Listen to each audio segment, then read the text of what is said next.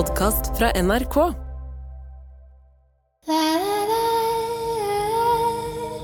Det er noe med øynene hans. eh, De er sånn utstående.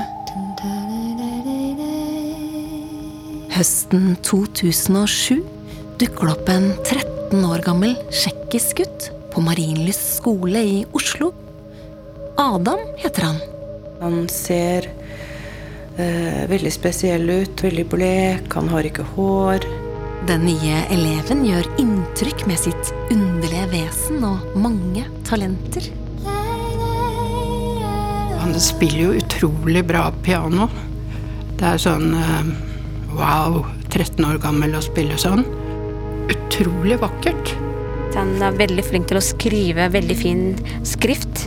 Veldig god på naturfag. Vil lage noen fete malerier.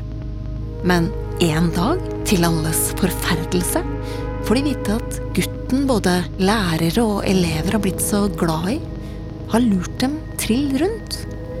At Adam i virkeligheten hele tiden har vært en annen enn han har utgitt seg for.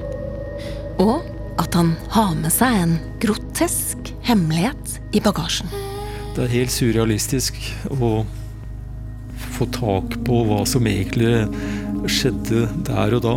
Kjenner et ubehag i magen. Litt sånn ekkel følelse av at jeg har vært i nærheten av den personen. Det var eh, stranger than uh, everything.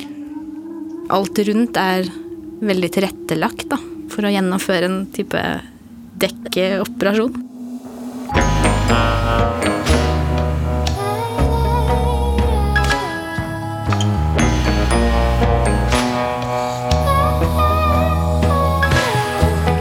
Jeg heter Trude Lorentzen og har laga podkastserien Mysteriet Adam.